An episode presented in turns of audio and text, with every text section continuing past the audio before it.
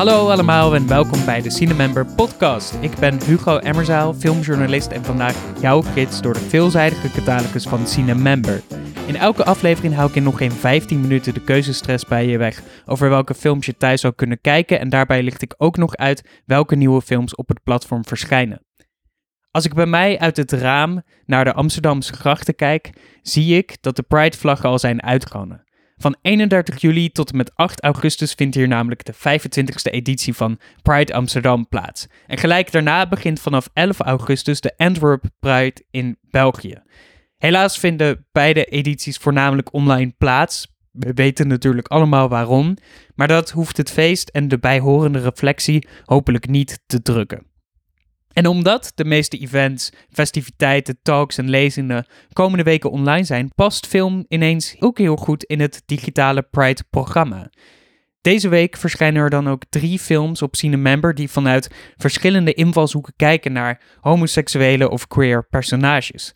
Die licht ik eerst even uit in deze aflevering en daarna sta ik graag nog stil bij een van de betere Franse films van de afgelopen jaren, wat mij betreft waarin het stilstaan bij en vieren van homoseksualiteit ook altijd gepaard gaat met urgent activisme.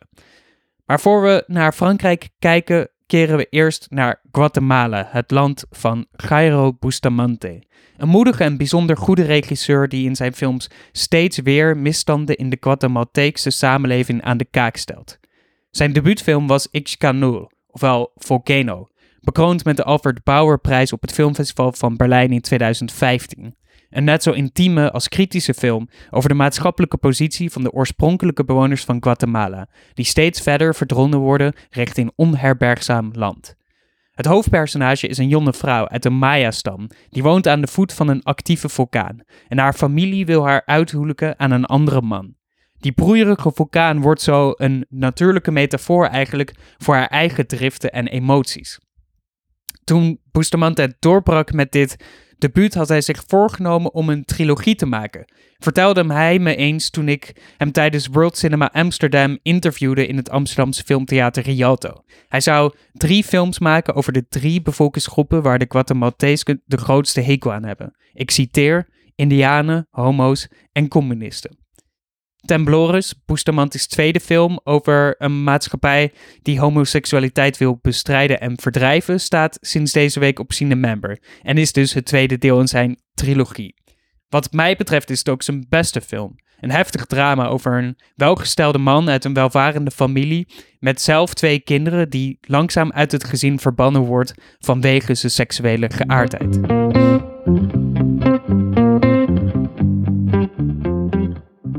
In X Canoe is de vulkaan een metafoor voor innerlijk protest en opgekropte woede. En de titel van Temblorus doet al vermoeden dat het hevige aardschokken en aardbevingen zijn die hier onder het oppervlak dreigen te gebeuren. Bustamante opent de film ook met een nagelbijtende scène waarin hoofdpersonage Pablo na een stevige aardbeving door nachtelijk Guatemala-stad scheurt met zijn auto om te checken of zijn familie ongedeerd is. Wat hem niet in dank wordt afgenomen overigens, want zijn familie weet sinds kort dat hij ook mannen ziet en is dus niet meer welkom in de buurt van zijn kinderen. Onder de oppervlakte van de Guatemaltese samenleving laat Bustamante op een bijzondere manier zien, ligt dus nog een breuklijn. Eentje op de grens van klasse, gender en seksualiteit. In deze politiek geëngageerde film sleurt Bustamante er iedereen met de haren bij. Het conservatieve middenklasse gezin dat met man en macht wil beschermen wat het verworven heeft, de politiek die mensen uitbuit en tegen elkaar inspeelt, de orthodoxe kerk die gif in de vorm van evangelieën verspreidt.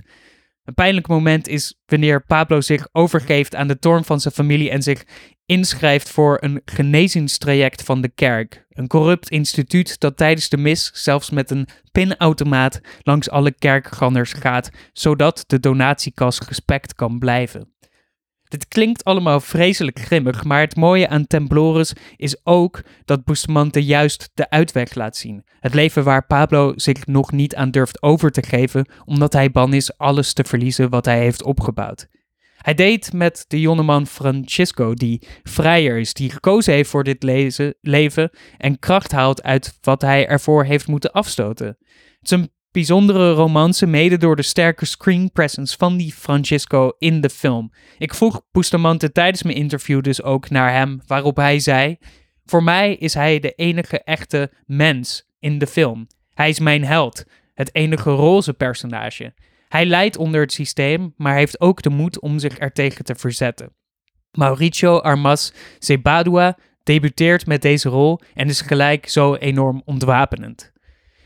Ik vroeg of acteurs zich überhaupt aan deze rollen durfden te wagen, wat meestal niet het geval bleek te zijn. Het casten was een langdurig en pittig proces, net als het vertonen van de film. Want op het internationale filmcircuit is Bustamante inmiddels wel een van de bekendste Guatemalteekse regisseurs, maar in eigen land worden zijn films niet vrijwillig vertoond. Bustamante, die de helft van de tijd in Parijs woont, heeft daar gelukkig zelf iets op gevonden. Hij is een eigen filmtheater in Guatemala-stad begonnen. Kleinschalig en soort van underground, in een voormalige seksbioscoop, waar hij zijn eigen werk en andere arthouse films kan vertonen voor een klein publiek dat er wel naar wil kijken. Het is een vorm van cultureel protest en kritiek dat je ook terugziet in zijn politiek vlijmscherpe en emotioneel overweldigende films.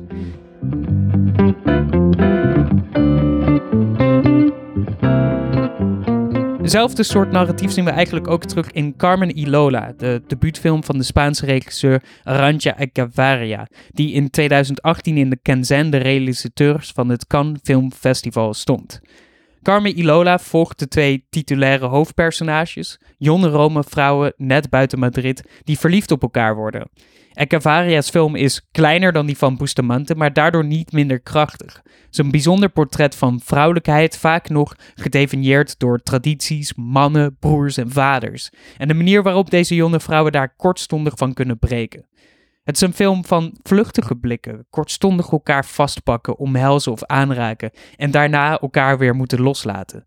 Je ziet dat ook terug in de stijl van de film handheld, bijna documentaire-achtig steeds zoeken naar dat moment waarop blikken kunnen krijzen en handen elkaar kunnen vinden.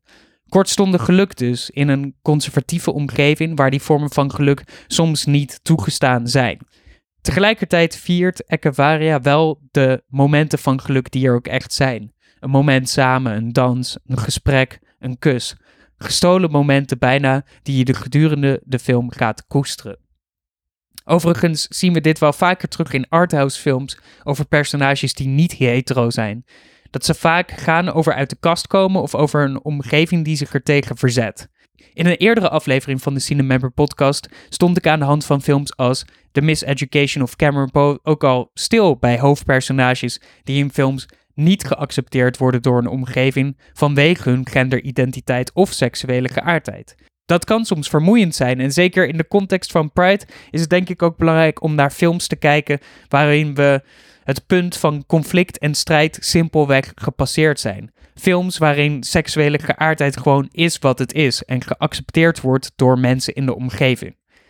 Skate Kitchen is zo'n film. Geregisseerd door Crystal Moselle, die in 2015 doorbrak met haar documentaire The Wolfpack over een stel jongens, broers, die bijna nooit het huis mochten verlaten en daardoor opgesloten in een klein appartement in New York de wereld om hun heen leerden kennen via film. Moselle heeft blijkbaar gevoel voor ontmoetingen en voor echte mensen die ze tegenkomt ook in haar film zetten.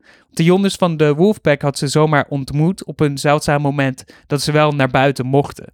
En de hoofdpersonages van Skate Kitchen, een losse en vrijblijvende zomerse film over skatende meiden in New York, heeft ze ook op straat ontmoet in 2016 toen ze een korte film met de skaters in de hoofdrol maakte.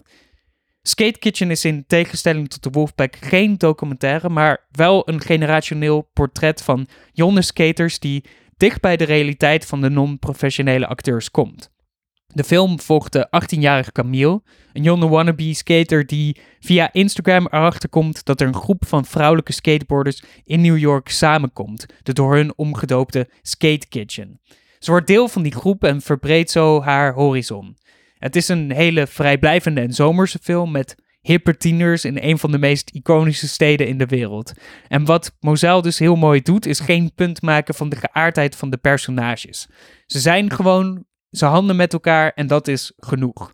Skate Kitchen is daardoor misschien niet zo dramatisch als de eerdere films die ik noemde. Al is er natuurlijk het onvermijdelijke drama tussen een groep pubers, maar Het is wel heel bijzonder en fascinerend om te kijken naar mensen die simpelweg met elkaar ja, chillen en basically viben.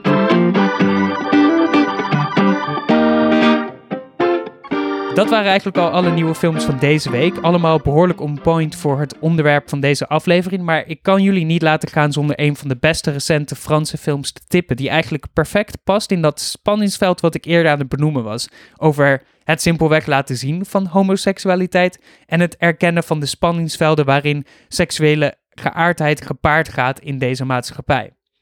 In 2017 draaide 120 ppm, of in het Frans 120 battements par minute, in de hoofdcompetitie van het Cannes Film Festival. Een monumentale film kan ik wel zeggen over Franse activisten die in het Parijs van de jaren 90 onderdeel zijn van ACT UP, de AIDS Coalition to Unleash Power, in 1987 opgericht als reactie op de AIDS-epidemie in New York. Deze haast epische film van de Franse regisseur Robin Campillo toont de Franse tak die in Parijs strijdt voor homorechten en de bestrijding van die dodelijke ziekte. De film met een glorieuze cast is er een over activisten en over mensen, over het leven en de problemen die zich erin voordoen. Een film over feesten in de club en protesteren op de straat. Het vangt de energie van de gay scene in Parijs in de jaren 90, een tijd van Amerikaanse en Franse housemuziek, maar dus ook van lokaal actie ondernemen tegen de farmaceutische industrie. Het is een politieke film en een prachtig melodrama, een aanklacht en een viering, een vuist in de lucht en een uitgestrekte hand. En nog mooier eraan is, het is ook allemaal de jeugd van Campillo, de regisseur, die voordat hij een filmmaker werd, zelf ook onderdeel was van Act Up in de jaren 90. Dit is dus zijn verbeelding van een verleden dat nog een belangrijk onderdeel in het heden vormt. Ik zie het dan ook als zijn geschenk aan een nieuwe generatie die leert waar de activisten voor hen voor hebben gestreden. En dat dus alles in een prachtige film om ook van te genieten. Maar ook eentje die je ongetwijfeld niet ongeroerd zal laten.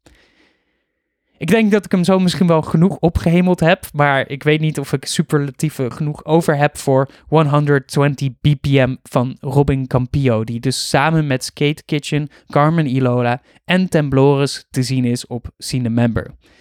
Zoals altijd vind je deze nieuwe toevoegingen en mijn eigen aanraders op de homepage van Cinemember, die je natuurlijk vindt op cinemember.nl of cinemember.be.